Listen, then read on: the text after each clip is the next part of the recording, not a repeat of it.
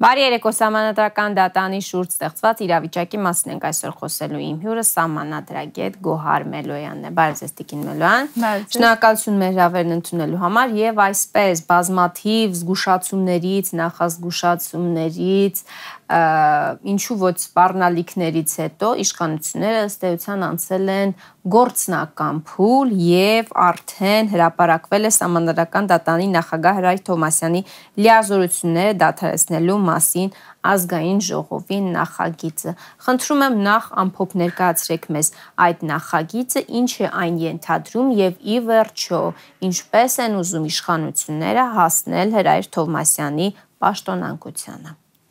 Նախ շնորհակալ եմ հրավերի համար այո, սա կարծում եմ համադրական դատանի շուրջ ծավալված իրադարձությունների էպոպեան էր այս նախագիծը եւ այդ մասին գործող իշխողական ուժի հայտարարությունը նախագիծ քանի որ նախագիծը ըստ էության այսօր է հրապարակվել հպանցիկ արդեն ծանոթացել եմ նախագծի հիմքում տեսեք նախ ներկայացնեմ ինչ ինչպես է ինչ ինչպիսի կարգավորումներ են արկա արկա մեր սահմանադրությամբ եւ օրենքներով Սահմանադրության Հայաստան Հանրապետության սահմանադրությունը հստակ սպառիչ թվարկում է սահմանադրական դատանի դատավորի լիազորությունների դաթարման կամ դաթարեցման հիմքերը։ Հետագայում սահմանադրական դատանի մասին եւ ազգային ժողովի աշխատակարգ սահմանադրական օրենքները արդեն ընթացակարգային բացում են այս գործընթացները եւ հիմքերի թվում ազգային ժողովի իշխող խմբակցությունը որպես հիմք է դաթարեցման ընտրել կարգապահական էական խախտումը։ Ինչ է էական կարգապահական խախտում թույլ տված համադրական դատանի դատավորի կողմից։ Ըստ համադրական դատանի մասին օրենքի 3 դեպք է հնարավոր, դրանցից առաջինը 3 անգամից ավել 1 տարվա ընթացքում համադրական դատանի նիստերից անհարգելի բացակայություններ 3 անգամից ավել Այո։ Երկրորդը մեկ երկու կարգապահական կամ մեկ խիստ նկատողություն ստանալուց հետո եւս մեկ անգամ կարգապահական խախտում թույլ տալը եւ երրորդը համադրական դատանի համբավը արատավորող կամ համադրական դատանի դատավորի գործունեության հետ անհամատեղելի որևէ գործունեություն իրականացնելը։ Առաջինի մեջ Վահե Գրիգորյանը տեղավորվում էր, կարծես, որտեվ նիստերին չի գնում։ Լիովին կարող է տեղավորվել, ես չգիտեմ արդեն 3 անգամ մասնակցել է, բայց արդեն ունենք կոնկրետ դատավոր, ում, ում նկատմամբ լիովին կիրարկելի է այս ընթացակարգը։ Հիմա տեսնենք Վայ Գրիգորյանին նկատի ունեմ։ Այո, Վայ Գրիգորյանին նկատի ունեմ եւ ոչ միայն այս հիմքով, կանդրադառնամ ավելի մանրամասն։ Ինչ վերաբերում է Հրայր Թոմասյանին, սահմանադրական դատ նախ ընդգծենք մի հանգամանք, ինչքան նախագծում գործընթացը սկսվում է ըստ սահմանության եւ սահմանադրական օրենքների սահմանադրական դատանի դատավորի նկատմամբ։ Ինչքան էլ իրենց բանավոր խոսքում փորձեն ընդգծել լոյալություն պահել իրենց գործընկերոջ Վայ Գրիգորյանի նկատմամբ եւ ընդգծել համադրական դատարանի անդամ եւ դատավոր դիսկուրսը եւ նախագծում անգամ ծիծաղել է իրավական ակտում դատավորի կողքը փակագծերում նշել են անդամ եզրույթը ամեն դեպքում իրենք հրաժարվում են այդ համադրական դատարանի դատավոր անդամ դիսկուրսից որովհետեւ այս գործընթացը կիրարկել է միայն Այդ մանիպուլյացիան չանցավ այսինքն այլևս ժամանակավրեպ է դատավոր անդամ Իրենք նույնիսկ իրավական փաստաթղթում փորձում են չհրաժարվել այդ մանիպուլյատիվ մեկնաբանությունից բայց եթե սոլիդարություն ցուցաբերելով հա, երևի։ Հավանաբար։ Սակայն ամեն դեպքում անդամի նկատմամբ Կիրարկելի չի այս գործընթացը, պետք է կողմնորոշվեն ամեն դեպքում։ Ինչ է ասում նախագիծը, Տիկին Մելոյան։ Նախագծի հիմքում որպես հիմք էական կարգապահական խախտման ես կառանձնացնեի 4 հիմքեր, որոնք նշված են։ Առաջինը Դա Վահե Գրիգ ինչի մասին նաև հետագամ հուսով եմ կանդրադառնանք ելույթում իր Արարատ Միրզոյանը նշեց, Վահե Գրիգորյանի միջնորդության մասին է խոսում։ Երեք դատավորների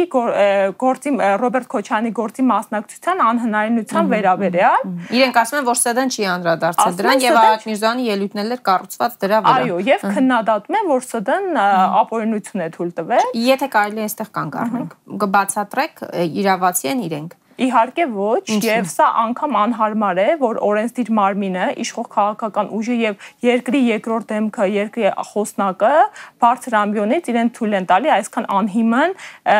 երևույթի վրա հղում կատարել։ Սա ես երբ լսեցի առաջի անգամ դրա մասին,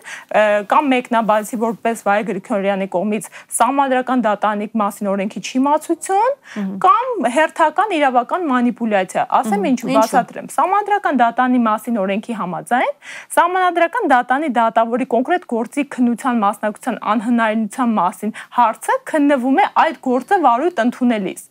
Շատ հաջող օրինակ ունենք, օրինակ Վահե Գրիգորյանի Ռոբերտ Քոչյանի գործի մասնակցության անհնարինության մասին աշխատակարգային որոշումը ընդունվել է նույն օրը, ինչ Ռոբերտ Քոչյանի գործը վարույթ ընդունելու մասին որոշումը, այսինքն հունիսի 21-ին նույնիսկ թվային առումով Վայ Գրիգորյանի վերաբերյալ որոշումը ՍԴՕ 58 աշխատակարգային որոշումն է Ռոբերտ Քոչյանի գործը վարույթ ընդունելը ՍԴՕ 59 աշխատակարգ ամիջապես հաջորդը իսկ Վահե Գրիգորյանը ասում են մի քանի ամիս եւ որոշում երևի մտածում բրբտում են ինչ հերթական անակնկալը կարելի կամ հիմքը կարելի է ստեղծել եւ այսպիսի նյուանս է նյուանսի արժև են կանգնացնում հանրությանը եւ սկսում մանիպուլյատիվ տարբեր հարթակներից օգտագործել այս իրավիճակը ասեմ ավելին հակառակը եթե սահմանադրական դատարանը սրան անդրադառնար այսինքն ինչ որ ընթացք տար որոշում կայացնել, դա կլիներ արդեն իրենց կողմից սահմանադրական օրենքի խախտում։ Ինչպես նշեց Տիկին Պետրոսյանը վերջերս իր հարցազրույցում, իրենք նիստ են հրավիրել բովանդակությանը ու այնպես էլ չի եղել, որ ընդհանրապես անդրադարձ չի կատարվել։ Ուսումնասիրել են միջնորդության բովանդակությունը եւ ակնհայտ հակասահմանա օրենքի խախտման դրույթները տեսնելով, այլև որոշում են արձանագրություն են կազմել դրան չանդրադառնալու վերաբերյալ այսքան բան։ Երկրորդը Նախագծի երկրորդ կետին ենք անդրադառնում։ Դուք 4 կետ 4 հիմք նշեցիք։ Ես 4 հիմք եմ առանձնացրել, որոշակի կետեր կան կրկնություն են, անհարկի, ուստի 4 հիմնական ելակետային հիմքեր է իրենց որոշման։ Հաջորդը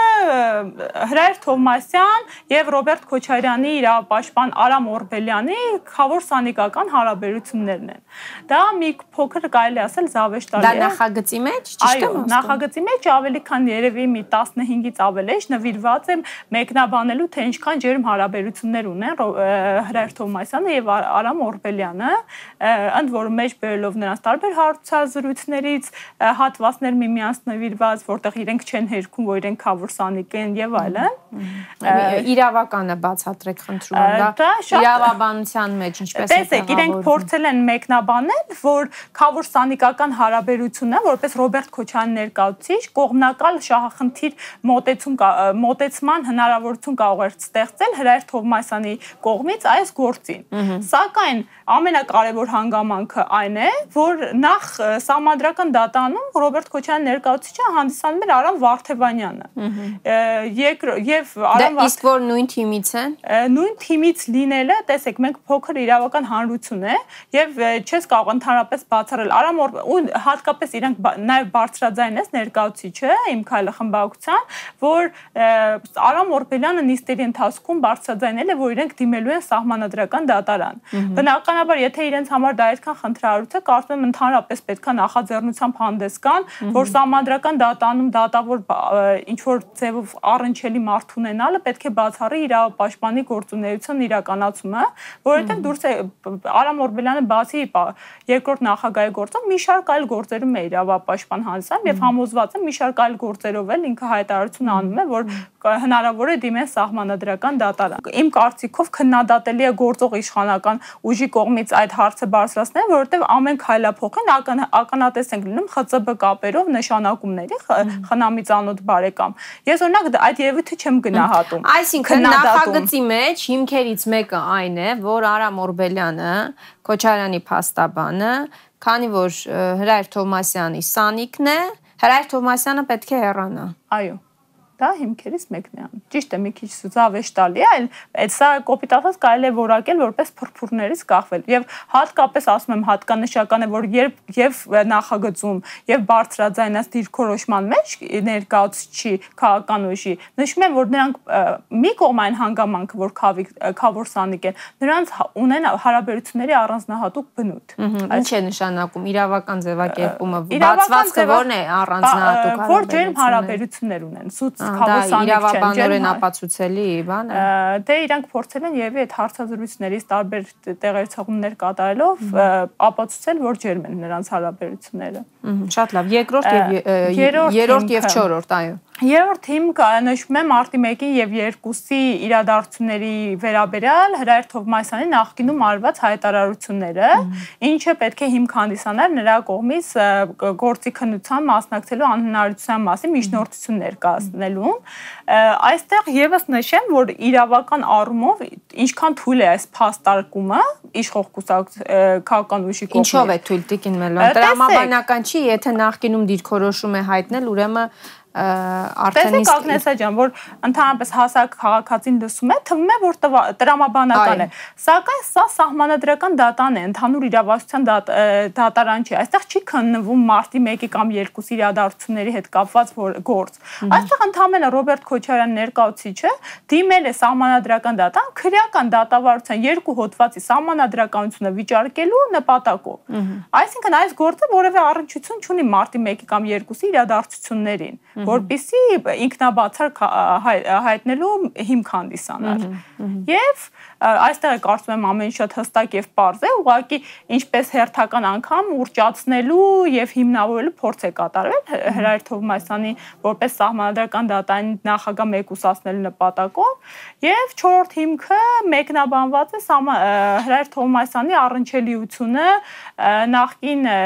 երկու նախագաների Սերժ Սարգսյանի եւ Ռոբերտ Քոչարյանի հետ։ Այսինքն եթե Հրայր Թովմասյանը կապ է ունեցել նախորդների ժամանակ աշխատել է, պետք է հեռանա իրենց տրամաբանության պայով, որ նա անկողմնակալ չի եւ մի շարք այլ պիտակավորումներ են տրվում, սակայն օրինակ մենք հստակ ներկայումս մեր աչքերի առաջ երբ երկու ծայրահեղ օրինակներն է ունենք, ես չեմ կարծում, որ որևէ մեկը կա, որ կարող է մատնանշել մի որևէ դեպք, որ Հրայր Թոմասյանը, ես ինքս հետևելով գործունեությանը չեմ ականատես եղել կամ նման դեպքի, որ Հրայր Թոմասյանը համանդրական դատային դատավոր ընտրվելուց հետո որևէ կերպով խախտել է իր քաղաքական սսվածությունը կամ որևէ կերպ նախկին իր քաղաքական հետագիծը ազդեցություն է ունեցել իր որոշումների կամ գործունեության վրա։ Ինչը չեմ կարող ասել ներկայումս գործող որոշ այլ դատավորների մասին։ Ինչ կարող է անել Հրայր Թովմասյանը ստեղծված պայմաններում։ Այլ կերպ ասած, զորբայությամբ ուզում են իրեն հանել։ Ինչ կարող է անել Հրայր Թովմասյանը։ Տեսեք, Հրայր Թովմասյանը շատ ողջունելի է, որ անում է այն, ինչ իրականում կարող է անել։ Նա կարող է միայն անել որպես համադրական դատային դատավոր եւ համադրական դատային նախագահ, այն ինչ լիազորվա ինչի լիազորված է համայնությամբ եւ օրենքներով ընդ որում դա պետք է խնդրում եմ ընդգծենք մեր սահմանադրության կարևորագույն օրինականության սկզբունքներից մեկն է համաձայն որի պետական մարմինների պաշտոնատար անձինք իրավասու են կատարում են այն ինչի համ ինչ սահմանված է սահմանադրությամբ եւ օրենքներով ինչը վերջին 1 տարվա ընթացքում բոլորս ականատես ենք լինում, թե այս սկզբունքը ինչ հաջողականությամբ է խախտվում։ Հրայր Թոմասյանը պետք է իմ կարծիքով շարունակի իր օբյեկտիվ է պրոֆեսիոնալ գործունեությունը իր լիազորությունների շրջանակում։ Իսկ ինչ վերաբերում է օրինակ ինչ հնարավոր է անել, ես որպես իրավական հանրության ներկայացուցիչ եւ նաեւ պարլամենտարիզմի զարգացման միջազգային կենտրոնի գործադիր տնօրեն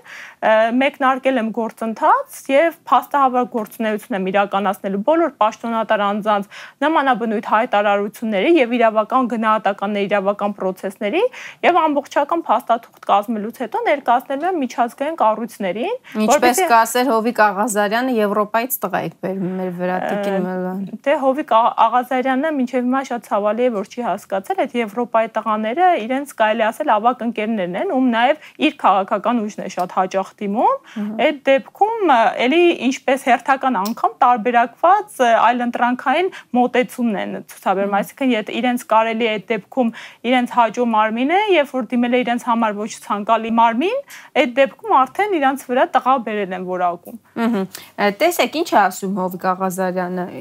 իշխող իմ քայլը խմբակցության պատգամավոր, ասում է, եթե Հրայր Թովմասյանը չդիմեր Վենետիկի հանձնաժողով մեր դեմ, այսպես ասած, տղա չբերեր, գուցե իրեն էլ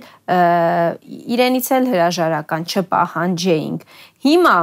Արադ Միրզոյանը իր ելույթում ասում է, որ ըստ էության այդպես էլ չհասկացանք այդ Միեդ եւ Վենետիկի հանձնաժողով ուղարկված խորհրդատվական կարծիք է խնդրել սահմանադրական դատարանը Ինչ էր այդտեղ գրված Տիկին Մելոյան։ Ինչու են գախտնի պահում իշխանություններից, թե ինչ նամակ են ուղարկել Միետ եւ Վենետիկի հանձնաժողով նախ անդրադառնամ այդ որ ընթացակարգում ընդհանրապես ոչ մի գաղտնիություն կար, այլ նաև շատ ողջունել էր, որովհետև եւս տեսեք, մի է դիմելու հնարավորությունը ստեղծվել է 10 մենք ընձեռնվել է 18 թվականից վավերացվել է 16-րդ արձանագրությունը խորհրդատվական կարծիք ստանում։ Այո, որ մի շարք երկրների բարձր դատարաններ, մեր դեպքում դա սահմանադրական դատարանն է եւ վճռաբեկ դատարանը հնարավորություն ունեն տարբեր գործերով խորհրդատվական կարծիք ստանալու նպատակով դիմել դիմելու մի հետ։ Սա իրավունքի զարգացման տեսանկյունից հոյակապ գործիքակազմ է։ Եվ օգտվելով այս հնարավորությունից կողմից տեսեք ու ամենակարևոր հանգամանքը այն է որ երկու մարմիններից է ընդհանրապես խորհրդատվական բնույթի եզրակացություն է ստանալու համանդրական դատարանը որը կարող է կիրառել հետագայում որ տվյալ գործով որոշում կայացնելուց ես չեմ հասկանում ինչ է վախեցնում իշխանությունը ինչ է ուզում ասել Ագնեսա ջան շատ տարակուսելի է որ իշխանությունը այդքան ահու սարսափով է վերաբերում այդ խորհրդատվական կարծիքներին միգուցե իրենք գիտակցում են որ տվյալ գործում իրենց խոցելիության ազդեցության աստիճանը եւ որ լինելու է միջազգային ատյան մարմինների գնահատականներ, որին նրանք չեն կարողանալու այդպես կտրուկ հերքմամբ մոտենան, չգիտեմ, չեմ կարող որակա գնահատական տալ մինչև խորհրդատվական կարծիքները չլինեն, սակայն պետք է գիտակցեն արդեն մոտ 1 տարուց ավել իշխան իշխանություն են հանդիսանում այդ պետական պաշտոնատար անձինք, որ պետք է հա, հարգանքով մոտենալ միջազգային կառույցներին եւ մի փոքր ավելի լրջությամբ ամբողջ ընթացակարգերին։ Ինչ է նշանակում, եթե մեզ վրա տաղա չբերեր թիմեր Վենետիկի հանձնաժողով, նրա լիազորությունը նախ իրենք պետք է հստակ ունենք սահմանադրություն եւ օրենքներ եւ այդ process-ները պետք է լիովին տեղավորվեն այդ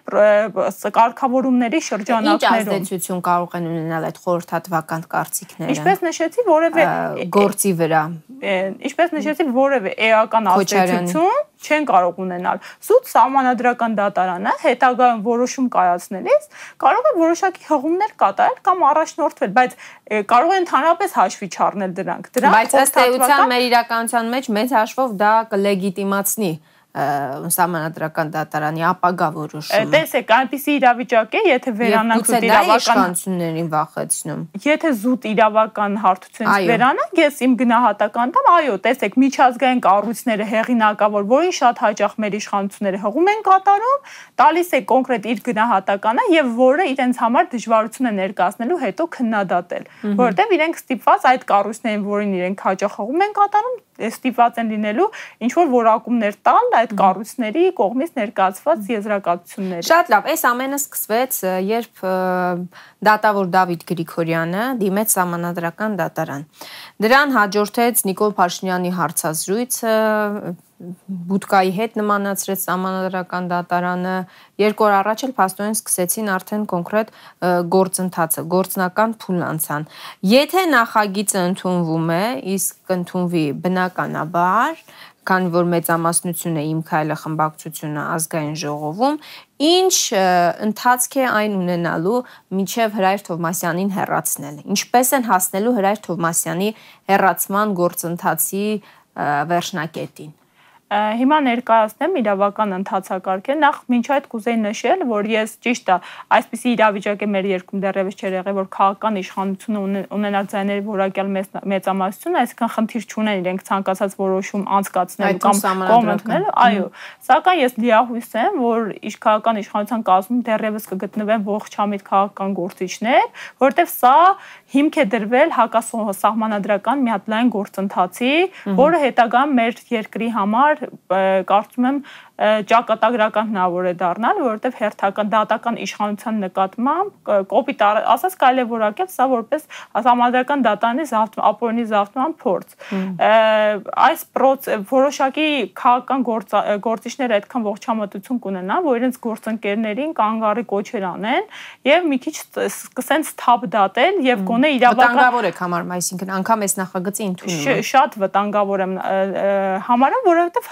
հստակ նպատակա վերադրված է։ Սա երկարատև գործընթացի հերթական եւս մեկ փուլ է կոնկրետ անձի համանդրական դատային չեզոքացնելու եւ կոնկրետ անձի այդ համանդրական դատային նախագահի պաշտոնը նվիրելու։ Հենց այդ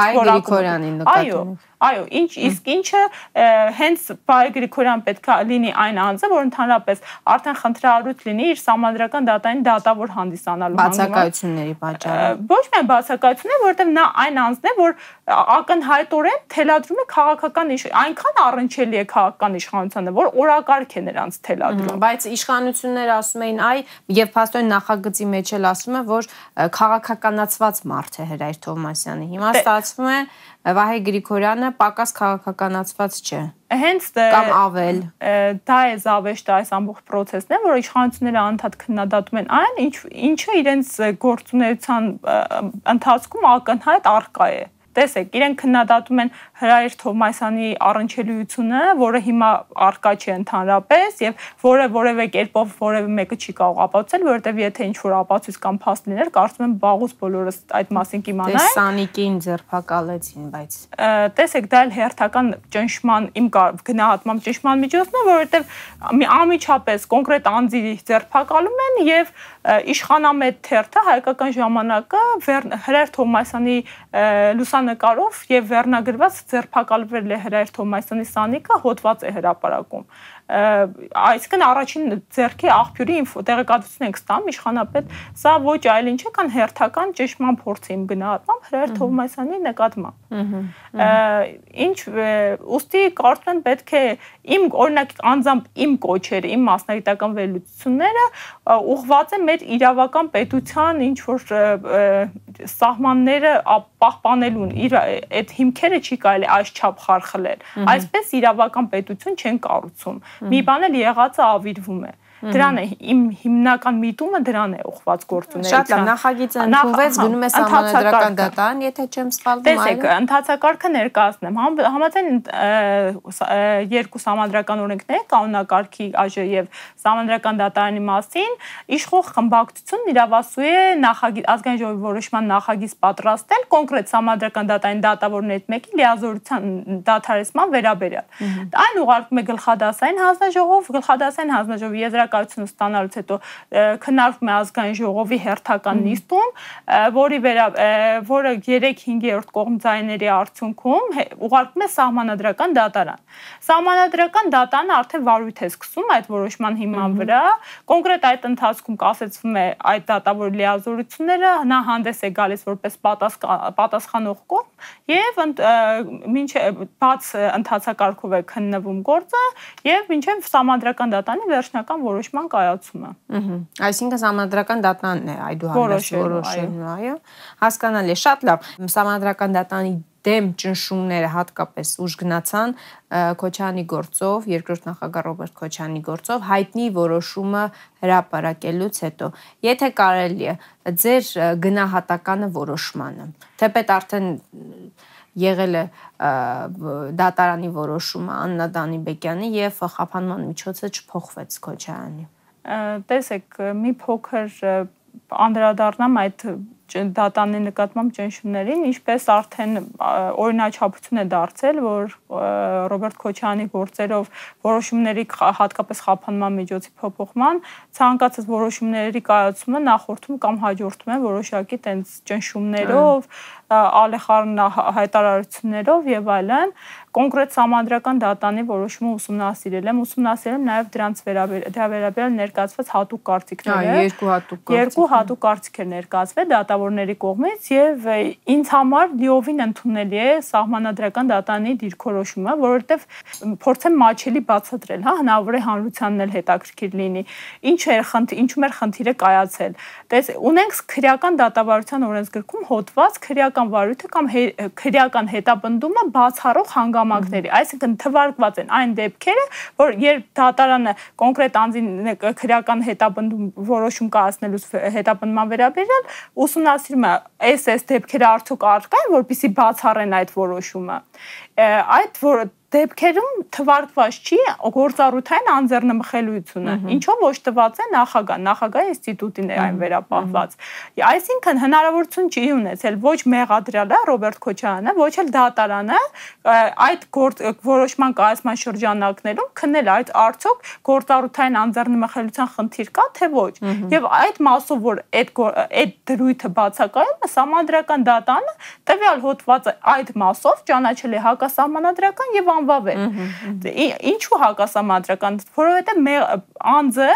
Ռոբերտ Քոչյանը զրկվել է հնարավորությունից իրացնելու իր մի շարք իրավունքներ, արտար դատաքննության եւ այլն։ Եվ տեսեք, մեր սահմանության 75-րդ հոդվածը հստակ սահմանում է, որ պետության պարտականությունն է ապահովել եւ սահմանել ընթացակարգեր եւ կառուցակարգեր, որովհետեւ իրականացվեն մարդու իրավունքները։ Այսինքն նմանաբնույթ իրավիճակում երբ արկա է որևէ բաց, իրավիճակը պետք է մեկնաբանվի իմ կարծիքով բացառապես ի օգուտ անձի։ Հիմա սրան չհաջորդեց խափանման միջոցի փոփոխությունը, ինչու։ Դե դա ենթադրում է խափանման միջոցի փոփոխություն։ Տեսեք, համադրական դատանի որոշումը։ Դատարանի որոշումը պետք է իմ կարծիքով մինչև այդ բացը չի վերացվել, այսինքն որ համադրական դատանի որոշման վրա արդեն պետք է նախաձեռնվեն ազգային ժողովի կողմից process-ներ, որպեսզի իրավակարգը օրենսդրական այդ բացը վերացվի։ Այո, իմ կարծիքով մինչև այդ բացը չվերացվել, պետք է այդ իրավիճակը ի օգուտ մեղադրյալի մեկնաբանվեր եւ խափանման միջոցը փոփոխվեր։ Հիմա եթե Վենետիկի հանձնաժողովը ժողովից եւ միեդից գան խորհրդատվական կարծիքները, որոնք համահունչ լինեն ՍԴ-ի կայացրած որոշման եւ ըստ էության փոխլրացնեն։ Դա ինչ է ենթադրում, գործի կարճում, ինչ է ենթադրում, ինչ իրավական հետևանքի սպասել։ Տեսեք, ասում եմ, էլի որևէ բան չի կարող ենթադրել, որովհետև դրանք խորհրդատվական բնույթի են լինելու կարծիքները։ Զուտ էլի հայերթական խաղական գնահատականների քննարկումների եւ հետագայում այդ մասով գործը կասեցված է 301 հոդվածն է համադրական կարգի խախտման հետ կապված։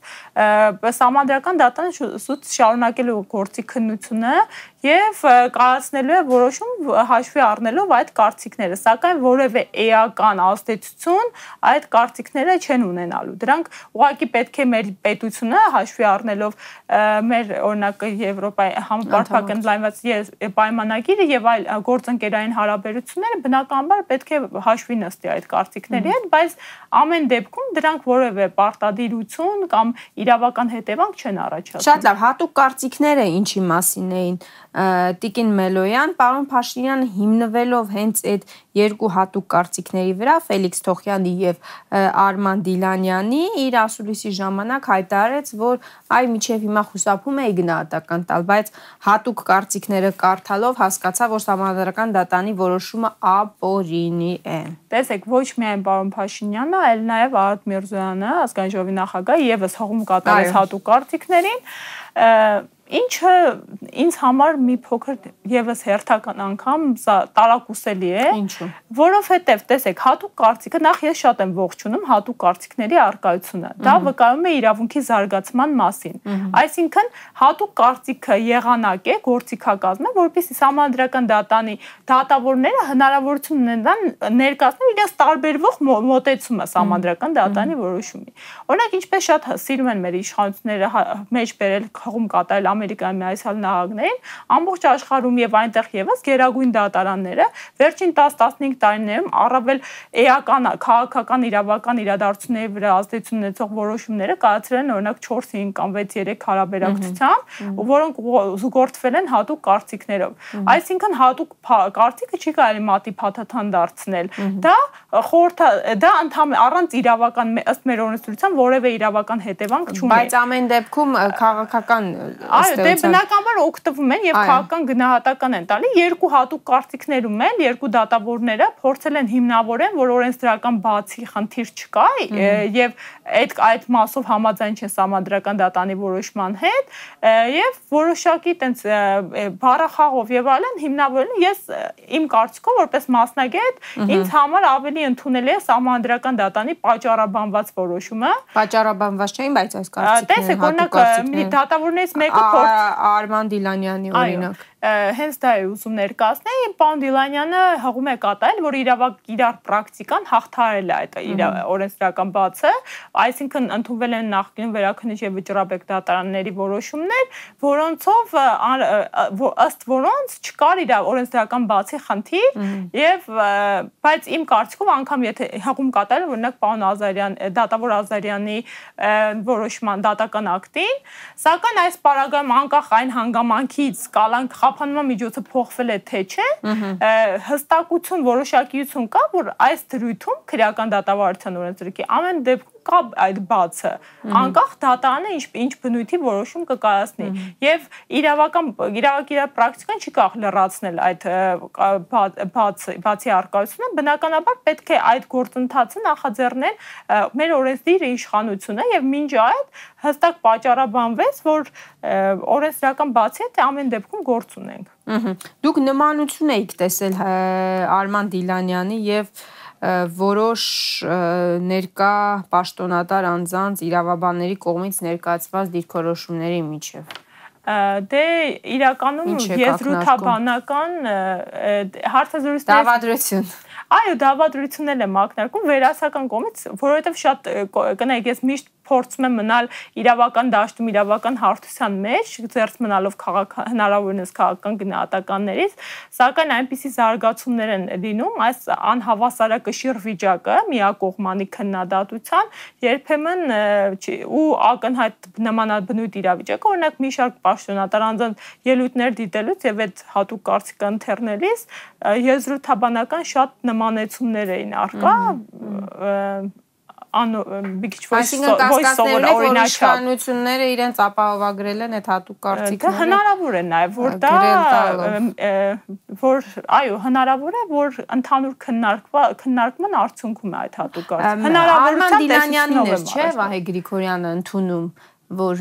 դե ես եւ նա ենք սահմանադրական դե- եւ այդ ընթացքում Արման Դիլանյանը կարծեմ արցակուրտում էր դրա համար Վահե Գրիգորյանը ասաց որ ես եմ սահմանադրական դատարանի նախագահը այո դե այդ այս պարագայում ըստ իր տրամաբանության չեմ կարող պարոն Դիլանյանին որևէ որակում տալ ըստ իր տրամաբանության քանի որ երբ համադրական փոփոխությունների ամբողջ դրույթների ուժը մեջ մտնելուց հետո էր պարոն Դիլանյանը ընդունել որպես համադրական դատանի դատավոր ընտրվել նա այդ այդ հիմնավորմամբ էր պատճառաբանում, որ միայն իրեն եւ ճիշտ է, մի քիչ սուբյեկտիվ էր այդ գնահատականը, որովհետեւ շատ խնդրահարույց էր նաեւ նույն Վայե Գրիգորյանի ընտրությունը։ Ինչու՞ որովհետև ըստ ինձ օրենքների խախտմամբ դա տեղի ունեցավ։ Այո, կարծում եմ, որ չեմ կարծում, կարող եմ հիմնավորել, որ որոշակի օրենքների խախտմամբ է եւ նույնիսկ իր սահմանադրական դատային դատավոր լինելը կարելի է վիճարկել հետագա, որովհետև նախ նախ ասեմ, այնքան էր քաղաքական իշխանություն ձգտում նրան տեսնել սահմանադրական դատանի դատավորի պաշտոնում, որ մենք զրկվեցինք մեր հանրությունում ունենալու այնպիսի պրոֆեսիոնալ եւ քաղաքականապես չեզոք դա համանդրական դատային դատավորներ, ինչպիսին են օրինակ Գոր Հովանեսյանը կամ Արտուր Վաղաշյանը։ Դա չապացուցելի բան է, չէ։ Ապացուցելի բան։ Արմեն Սարգսյանը չառաջադրել միջև վերջի Վահե Գրիգորյանի տեխնացությունը։ Հենց այդ իրավական հիմնավորվածություն կա։ Նախ Արմեն Սարգսյանը նախորդ տեխնացուն չընտրվելուց հետո 10 օրյա ժամկետ ուներ նոր տեխնացու առաջադրելու համար։ Ինքը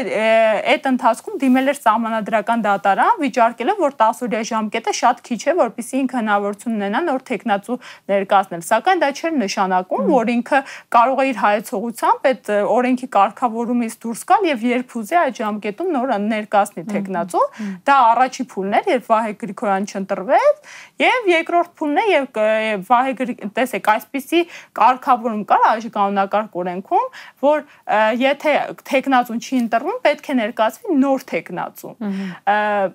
Եվ մի քիչ սավեշտ է կար, իշխող խմբակցությունը նախագիծ ներկայացրեց, որտեղ այդ նոր բառը դուրս էին հանել, ըստ համադրական դատան որոշում էր կայացել, այդ որոշման հիմա վրա փոփոխությունների փաթեթ էր պատրաստվել կանոնակարգ օրենքի եւ համադրական դատային մասին։ Եվ այդ կարգավորումը այժի կանոնակարգ օրենքից նոր տեխնատու ներկայացնելու վերաբերյալ տարվել էր համադրական դատանի մասին օրենք եւ նոր եզրույթը դուրս էր թողնվել։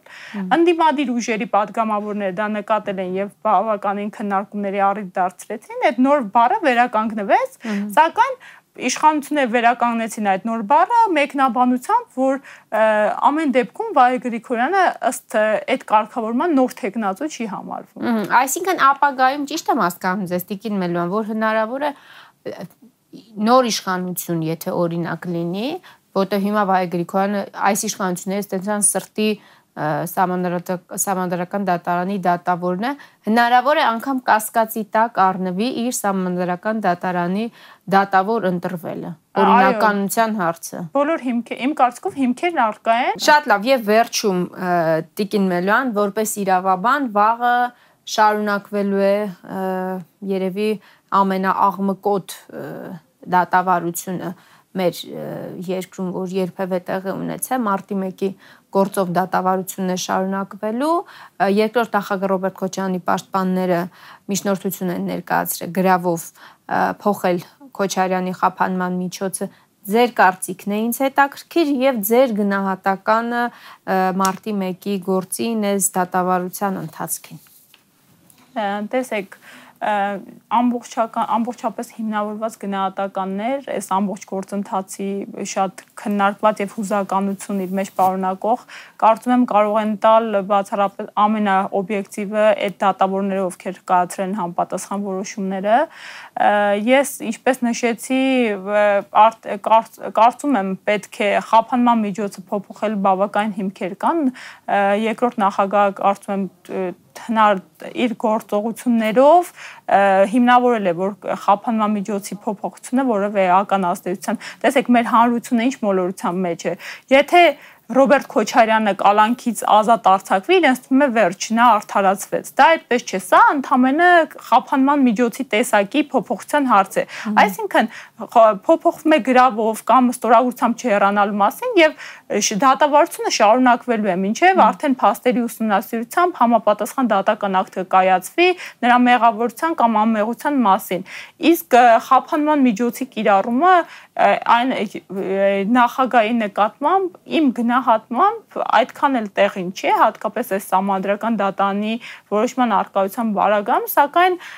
սպասենք չփորձեմ կոնկրետ որակավորում կամ գնահատական տալով, ինչև տեսնենք վաղը դատանը ինչպիսի որոշում կկայացնի։ Հակված եք, բայց որ պետք է փոխվի փաստորեն։ Ինչպես նկատեցիք, այո, հակված։ Եվ ձեր գնահատականը մարտի 1-ի գործին դատավարության առհասարակ էս իրավական գործընթացներին, որ տեղ ունեցան դրա շուրջ։ Տեսեք, կփորձեմ ձեր Սկսած հայտնի հաղորդագրությունից ՀՔՑ-ի զգացմունքային։ Այո, այդ արդեն մի շարք իրավիճակներ ստեղծվեցին ու ակնհայտ, որ ինչքան է փորձեմ զերծ մնալ քաղաքական գնահատական տալուց, ակնհայտ ուշադրություն է բևեռված եւ մի շարք օրենքների համանդրական նորմերի խախտումներ տեղի ունեցան, այսինքն այս գործի համատեքստում իշխանության երկու թևերի կողմից, մասնավորապես գործադիրի կողմից ճնշման տարեր են նկատվում, նկատվում ու դատական իշխանության նկատվում նկատմամբ, ինչը շատ տարակուսելի է եւ ասեմ հետագայում սրանք նվերներ են Ռոբերտ Քոչարյանի գործով գործի ներկայացուցիչներին, որոնք միեդներում ականներ են լինելու, որովհետեւ միեդը մի շարք որոշումներ ունի, որտեղ նախ որոնցում հստակ նշվում է, որ որևէ կերպ ազդեցությունը մարդու իրավունքների եւ հիմնարար ազատությունների պաշտպանության մասին կոնվենցիայի 6-րդ արդար դատաքննության հոդվածի համատեքստում անընդունելի է եւ նույնիսկ անգամ որոշում ունի, որտեղ նշված է, որ օրենսդիր մարմնի կողմից որակավորում տալ դատական իշխանության գործունեությանը կամ դատական ակտերը կասկածի տակ դնելը անթույլատրելի է։ Այսինքն իշխանությունը նվերներ է անում իր քայլերով երկրորդ նախագահային։ Այո, որոնք հետագան բնականաբար կարծում եմ մեկնաբանվելու եւ ներկայացվելու են միեդին եւ համապատասխան գնահատական են ստանա։ Շնորհակալ եմ Տիկին Մուլա։ Այսօր իմ հյուրս ամաննադրագետ Գոհար Մելոյանն էր։ Ամուր եղեք հանդիպենք վաղը։